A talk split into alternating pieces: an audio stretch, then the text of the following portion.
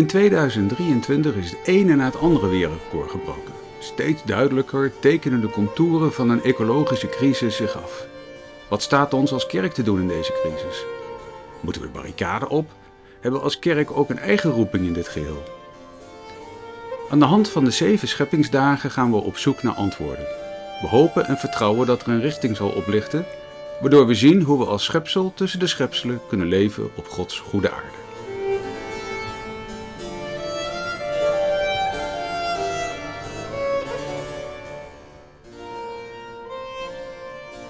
Dit is de vierde scheppingsdag. Thema is niet goddelijk.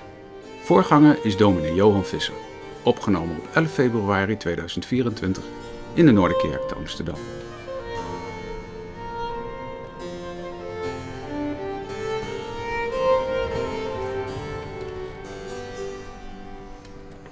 Vanavond over de schepping van de zon en de maan en de sterren. En we zingen nu een avondlied besef, waarin we beseffen dat hier de zon is ondergegaan, de maan opgekomen, ook al zien we die denk ik niet.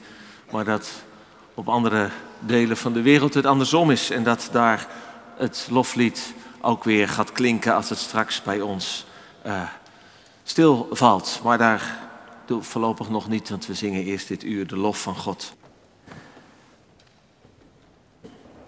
Twee gedeelten uit de Bijbel lezen we vanavond. Het begin en het einde van de Bijbel. Genesis 1 en niet helemaal het laatste hoofdstuk, maar het ene laatste hoofdstuk, Openbaring 21. Genesis 1, vers 14. En God zei: Laten er lichten zijn aan het hemelgewelf om scheiding te maken tussen de dag en de nacht. En laten ze zijn tot aanduiding van vaste tijden en van dagen en jaren. En laten zij tot lichten zijn aan het hemelgewelf om licht te geven op de aarde. En het was zo. En God maakte de twee grote lichten. Het grote licht om de dag te beheersen en het kleine licht om de nacht te beheersen. En ook de sterren. En God plaatste ze aan het hemelgewelf om licht te geven op de aarde, om de dag en de nacht te beheersen en om scheiding te maken tussen licht en duisternis. En God zag dat het goed was. Toen was het avond geweest en het was morgen geweest de vierde dag. Tot zover de eerste lezing. Uit het boek Openbaring, hoofdstuk 21, 1 en 3 en daarna vanaf vers 21 tot 27. En Johannes schrijft, ik zag een nieuwe hemel en een nieuwe aarde, want de eerste hemel en de eerste aarde zijn voorbij en de zee is er niet meer. Toen zag ik de heilige stad, het nieuwe Jeruzalem, uit de hemel neerdalen, bij God vandaan. Ze was als een bruid die zich mooi heeft gemaakt voor haar man en hem opwacht. En ik hoorde een luide stem vanaf de troon die uitriep: Gods woonplaats is onder de mensen. Hij zal bij hen wonen. Zij zullen zijn volken zijn. En God zelf zal als hun God bij hen zijn. Dan gaat het verder. De beschrijving van die schitterende stad waar nou ja, alle edelstenen van de aarde nodig zijn om haar te beschrijven. En dan lezen we vanaf vers 21. En de twaalf stadspoorten waren twaalf parels. Elke paar, poort een parel op zich. En de straten van de stad waren van zuiver goud en schitterend als glas. Maar een tempel zag ik in de stad niet, want God, de Heer, de Almachtige, is haar tempel met het lam. En de stad heeft het licht van de zon en de maan niet nodig. Over haar schijnt Gods luister. En het lam is haar licht. En de volken zullen in haar licht leven. En de koningen op aarde brengen daar een eerbewijs. En de poorten zullen overdag nooit gesloten worden. En nacht zal het er niet meer zijn. De volken zullen er al een eerbewijzen komen brengen. Maar alles wat verwerpelijk is. En iedereen die zich met gruwelijke dingen en leugens inlaat, komt de stad niet binnen. Alleen zij die in het boek van het leven staan, het boek van het lam. Zalig ben je als je het woord van God hoort en het bewaart. Gemeente van Jezus Christus, vandaag is het zondag. De eerste dag van de week die genoemd is naar de zon. En morgen krijgt de maan de eer van een eigen dag. En we staan er nauwelijks bij stil dat de namen van onze dagen te maken hebben met de goden die onze verre Germaanse voorouders vereerden. Waaronder dus ook de zon en de maan. In de Noordse mythologie was dat de zonnegod Sol, later in het Duits Suna genoemd. En haar broer Mani, de maangod. En ik zou een hele preek vanavond kunnen vullen met alle mythen en vormen van verering van de zon en de maan. Want in zoveel culturen en religies van alle tijden en over de hele aarde werden en worden die vereerd. En ik vind dat niet vreemd. De zon en de maan zijn belangrijk voor ons leven. Ze brengen licht op aarde en ze bepalen het ritme van de tijd. En de zon schenkt bovendien de vruchtbaarheid, leven, warmte. En ook de sterren, die hebben iets mysterieus, iets ondoorgrondelijks. Waardoor je ze, denk ik, ook gemakkelijk kunt beleven als bepalend voor je levenslot en je levensbestemming. Dat ze je houvast geven en rust. De rust van een grote, vaste orde die er elke keer is en die zo ja, rond de, de, de, de hemel rondgaat. In de onzekerheid van het leven en, en de chaos van het wereldgebeuren. Waardoor tot op de dag van vandaag astrologie, en denk aan de horoscoop, nog steeds voor veel mensen dat ergens, ook al spelen ze er misschien mee, ergens iets betekent. Ik denk dat voor ons, die leven in een wereld die gevormd is door de Bijbel en het christendom, en natuurlijk door het moderne wereldbeeld van de wetenschap, dat de zon, de maan en de sterren in de eerste plaats planeten zijn en geen goden. Maar dat was voor de Bijbelse mensen echt anders. Zij leefden in een wereld waarin de maan en de zon op allerlei manieren als goden werden vereerd. En dat gebeurde ook in Israël. Omdat Israël nooit op een eilandje heeft geleefd, maar altijd ook verbonden was met, met de omgeving. Net als wij. God klaagt bijvoorbeeld door de mond van de profeet Jeremia dat alle inwoners van Jeruzalem, de zon, de maan en het hele sterrenleger hebben liefgehad, gediend, achterna gegaan, geraadpleegd en voor ze neergebogen. Dus de, de verering van de hemellichamen had een, had een plek in de dagen van Jeremia. Een grote plek blijkbaar. En ik denk dat we tegen die achtergrond dat we de vierde scheppingsdag moeten begrijpen. Dag 1, de schepping van het licht, die, die hangt helemaal samen met dag 4. Zoals trouwens dag 2 en dag 5 en 3 en 6 dat ook doen. En als je vraagt, wat nog wel eens een soort de, de, de, lastige categorisatievraag is, hoe kan er nu licht zijn zonder dat er zon en, de zon en de maan er nog niet waren? Dag 1 is er licht en pas dag 4 de zon en de maan. Maar als je op die manier ernaar kijkt, dan denk je, denk ik, dan denk je te veel chronologisch. En kijk je er te chronologisch naar, naar, naar het scheppingsverhaal. Die twee hangen samen en dat moet je niet per se in voor en, en, en na doen. God schept het licht.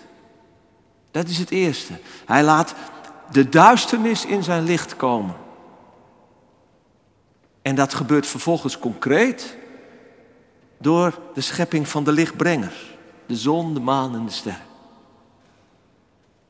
En dat zijn de lampen. Dat zijn de lichten die God aan het hemelgewelf hangt. Niks meer en niks minder. Het valt op dat de namen van de zon en de maan helemaal niet worden genoemd. In het hele, hele gedeelte niet. Ze heten consequent het grote en het kleine licht. En dat is heel bewust. Want op andere dagen klinkt wel steeds dat God iets noemde. God noemde het water zeeën. En hij noemde het land aarde. Maar nu niet. Want de zon, dat is in het Hebreeuws het woord shemesh, komt van de naam van de zonnegod, Shamash. En dat was ook met de maan zo. Dus wij moeten blijkbaar heel goed weten dat de zon en de maan geen goden zijn. Die je moet vereren en die je moet raadplegen en vrezen. Maar dat het, dat het lampen zijn die God heeft geschapen. En ik denk dat we hier aan een van de belangrijkste dingen van het Bijbelse scheppingsgeloof raken. Namelijk het geloof, de overtuiging dat de schepping, de natuur, dat die niet goddelijk is. Dus die moet je niet vereren. Dat is afgoderij. Dat in het eerste van de tien geboden nadrukkelijk wordt uh, verboden. Zult geen andere goden voor mijn aangezicht hebben. Dus je kunt van de schepping houden, je kunt ervan genieten, je kunt er eerbied voor hebben. Je kunt ze misschien zelfs als heilig ervaren, omdat Gods glorie en Gods goedheid daarin zichtbaar wordt. Maar je moet niet zo ver gaan om haar als God of als goddelijk te vereren. Want alleen God is God, de schepper. En die is boven de schepping verheven. Die valt niet met de schepping samen. En ik denk dat dat vandaag, als het gaat over de crisis in onze schepping, dat dat ook wel belangrijk is om, om in onze oren te knopen. Ik weet niet of jullie het volgen, maar er wordt vaak gezegd dat het christendom een van de oorzaken is van de plundering en de crisis in de schepping. Doordat het christendom de mens centraal zou stellen, die de taak heeft om de aarde te beheersen, te overheersen. daarover gaat het nog, over, over als we het over dag 6 hebben. Wat vooral sinds de moderne tijd op steeds grotere straal is gebeurd, met inderdaad allerlei negatieve gevolgen voor de rest van de schepping, voor de dieren en voor, voor, voor, de, voor het landschap. Nou, op die kritiek op het christendom is denk ik wel wat af te dingen. En tegelijk schuilt er ook een waarheid in die we in deze serie ook onder ogen zien. Dat de mens zich te veel, te hebzuchtig en te hoogmoedig centraal stelt in de schepping. Dat wij mensen onze plek niet meer goed weten. Maar dat gezegd hebbende, als je dan een, voor een andere oplossing gaat, die, die je die je veel vindt in wat je bijvoorbeeld eco-spiritualiteit kan noemen. Dus, dus een, een soort ja, religieuze beleving van, van, van, van, de hele, van de hele schepping, van, van, van het ecosysteem. Dat is de oplossing dat, dat de mens ja, eigenlijk maar een soort van, van dier is. Slechts één onderdeel van de schepping. En dat de natuur zelf goddelijk is. Zoals dat wordt beleefd in moderne vormen van heidendom, zoals Wicca. Maar als je, het, als je daarvoor kiest, dan kent dat denk ik grote gevaren. Want de natuur aanbidden als een God, ja, dat is natuurlijk nog wel fijn en makkelijk als je dat in een soort van light variant doet. Met een beetje een romantisch gevoel bij de natuur. Hè? Van in een lotushouding in het zachte zomerlicht één worden met alle leven. Of al paard of puppy knuffelend op een eco-retraite je verbonden voelen met de dieren. Ja, dan is het natuurlijk makkelijk dat je de natuur als een god ziet en als goddelijk. Maar als je de echte natuur aanbidt, ja, dan aanbid je dus ook de zon die verschroeiend brandt en die woestijnen maakt. En je aanbidt ook spinnen en roofdieren en daarmee aanbid je het hele ecosysteem van eten en gegeten worden. Van de survival of the fittest. Van de kringloop van leven en dood. De natuur is goed, dat zegt de schepping. Maar die is ook grillig. Gruwelijk mooi en heerlijk. Maar ook gruwelijk bloederig en wreed. En ik denk dat onze broeders en zusters in Afrika of in Latijns-Amerika dat die veel beter snappen dan wij, die eigenlijk heel romantisch over de natuur zijn gaan denken, zeker in de, in de stad.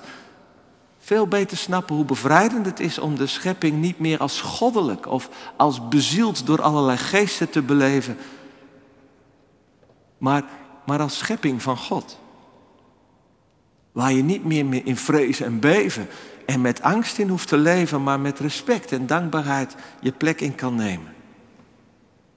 En waar je ook op een goede manier je plek in kan nemen om die schepping te gebruiken en soms ook te beheersen.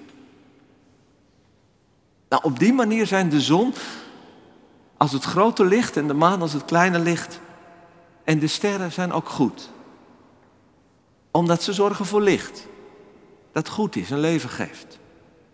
En omdat ze ook zorgen voor een orde en een ritme in de tijd. Ze maken scheiding tussen dag en nacht. En ze zorgen ervoor dat er een, een, een kalender is van dagen en maanden en jaren en seizoenen. De schepping is geen chaos. Ook de tijd niet. Anders zou je altijd maar moeten doorgaan en doorgaan. Ja, of je zou, je zou heel, de, heel de tijd in je bed blijven hangen. Maar zonder zon en maan zou er geen ritme zijn. Van dag en nacht en ook niet van de seizoenen in het jaar, in de natuur en voor ons als mensen. En voor de Bijbelse mensen het ritme van de feesten die met de seizoenen, aan de seizoenen verbonden zijn. En we komen daar denk ik nog wel op terug bij de zevende dag als het gaat over de Sabbat. Ik denk dat het wel goed is in onze door kunstlicht en technologie zo grenzeloze leven om dat ritme van de schepping serieuzer te nemen. Want de kalender van de zon en de maan die God in de schepping heeft gelegd, is ook een zegen voor onze geest en voor ons lichaam. Nou, ik kan me voorstellen dat je nu denkt, nou mooi, maar verder voor mij is de maan niet echt een God. En als ik de zon aanbid, dan is dat eigenlijk alleen maar zomers om een lekker kleurtje te krijgen. Akkoord? Maar volgens mij doen wij niet zoveel anders dan onze voorouders dat deden die tijdens een zonnewende met vuur en vreugde de zon vereerden. Afgoderij is iets van alle tijden en plaatsen. De reformator Johannes Calvijn heeft het menselijke hart een afgodenfabriek genoemd. Altijd nog weer een, mooi, mooi beeld vind ik dat, met name dat fabriek. Waarmee hij wil zeggen, wij hebben een onuitroeibare neiging om goden te, te produceren. Dat kleine fabriekje in mij en in jou, dat produceert allerlei persoonlijke goden. En al die fabriekjes samen, die vormen een enorme megafabriek die de goden van, van een cultuur en van een samenleving produceert. Afgoden, namaakgoden, dat zijn mensen of schepselen of ideeën die de plek van God innemen. Die, waar wij onze liefde en onze gehoorzaamheid aan geven. Waar wij in, in, uiteindelijk in geloven dat ze ons geluk en houvast geven. En die er ook voor zorgen dat wij op ze gaan lijken. Dus de vraag, denk ik, ook vanuit de, de vierde scheppingsdag is: ja, welke, welke goden die staan vandaag als, als de zon aan de hemel te stralen? Welke dingen in je leven die, die gewoon goed en, en mooi zijn natuurlijk en waar je van kan en mag genieten? En, en die we ook gewoon vaak moeten gebruiken, die stralen zo dat je ze vereert. Dat wij ze samen vereren. Nou, ook daar is denk ik geen einde aan. Aan de goden die onze afgodenfabriek produceert. En ik zou je vanavond even willen vragen om het ook wat dichterbij uh, te brengen. Om even een moment stilte te hebben nu. En om even na te denken over wat zijn nou goden voor u, voor jou. En je zou daarbij kunnen denken aan de volgende dingen. Waar geef je het meeste van je tijd aan? Wat vult je gedachten als er even niks is? Als er even leeg is, wat komt er dan altijd weer steeds weer terug in je gedachten? En wat, wie maakt jou echt gelukkig? En waarvan raak je in paniek als je dat zou moeten missen? En waar geef je veel geld dan uit? Dat zijn zo een paar dingen. Laten we even een minuut met elkaar nemen om even over na te denken van wat is nu, wat zou wel eens een God in mijn leven kunnen zijn?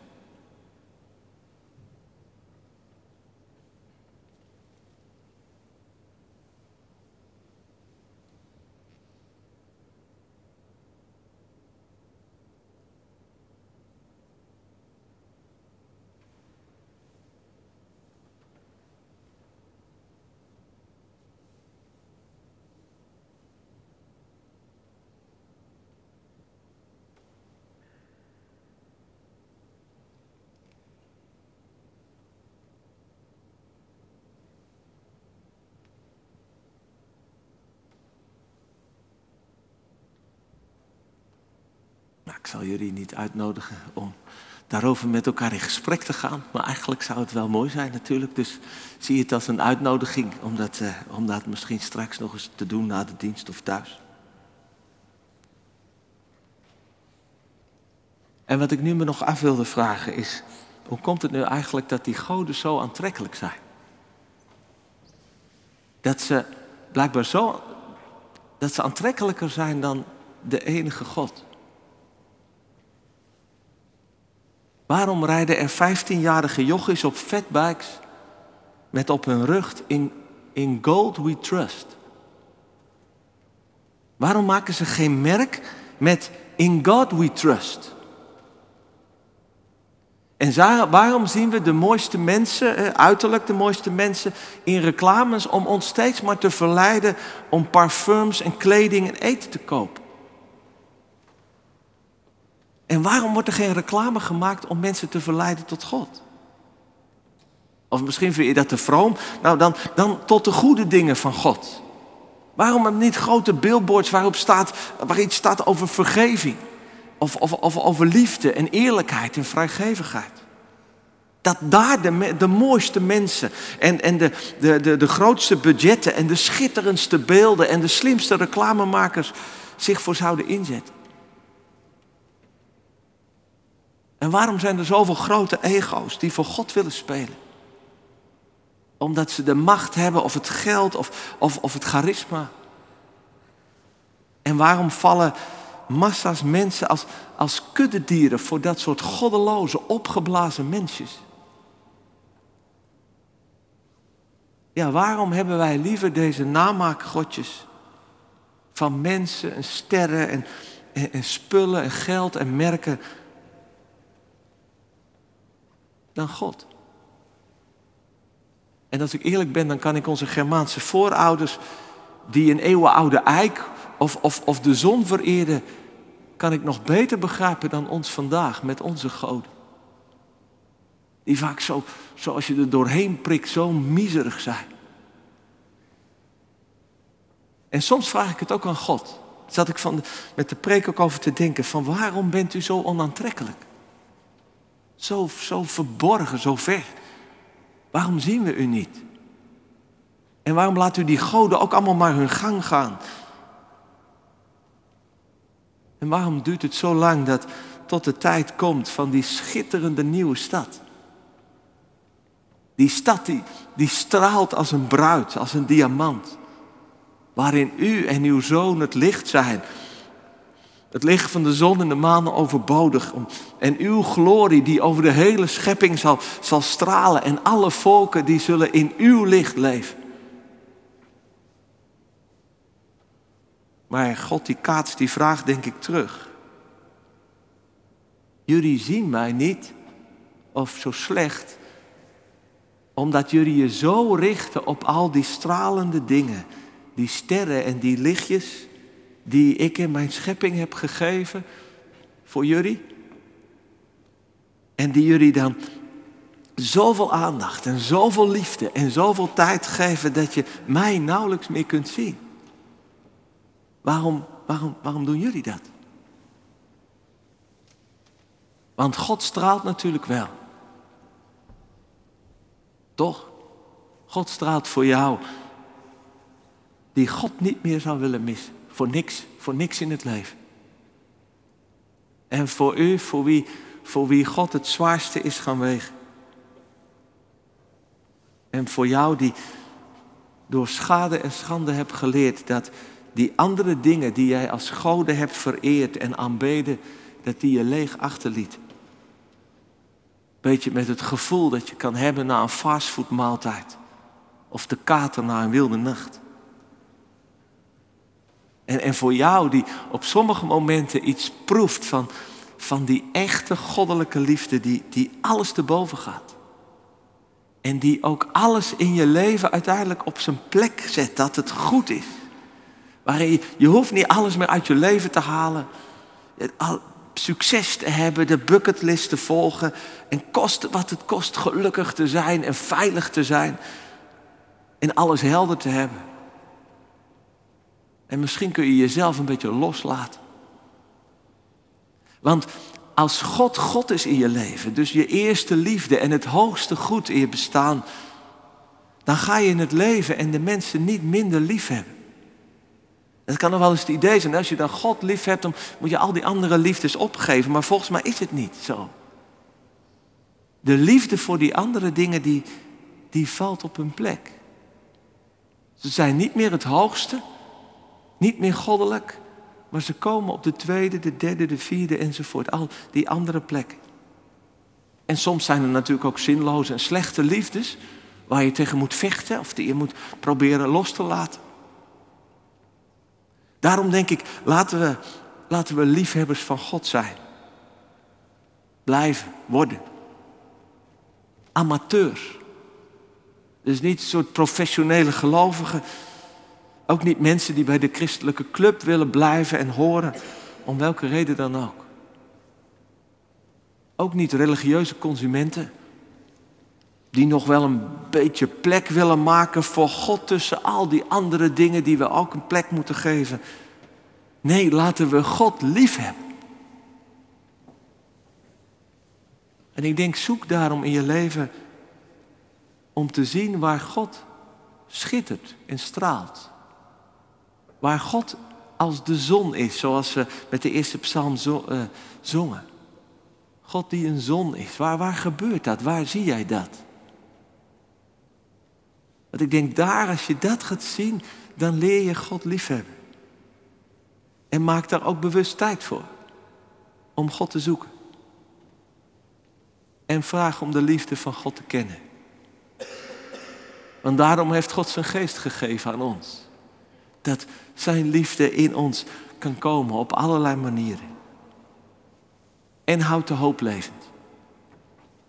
De hoop op de stad. Schitterend als een diamant, stralend als een bruid. Het nieuwe Jeruzalem. Zonder tempel. Waarin God en Christus het licht zullen zijn. Het eeuwige kostbare, allerschoonste, allerwarmste, allerzuiverste licht. Voor al hun liefhebbers. En voor de hele genezen en gezuiverde schepping. En de zon, de lamp van God, die zo verwachte sterrenkundige over vijf miljard jaar zal uitdoven, die zal niet meer nodig zijn. Amen.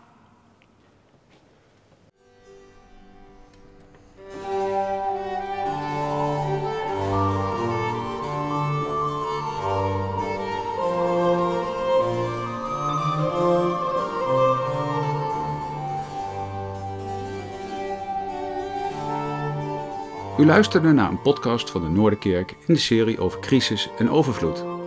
Mijn naam is Michiel Dumont. De muziek is een oud-Nederlands lied, Merk toch hoe sterk. Het werd gespeeld door het artistiek collectief tijdens het avondconcert voor het 400-jarig bestaan van de Noorderkerk. Mocht u meer overdenkingen willen beluisteren, abonneer u dan op onze podcaststream via iTunes of Spotify. Of kom een keer langs op een van de zondagse diensten. Meer informatie en andere podcasts kunt u vinden op onze website noorderkerk.nl.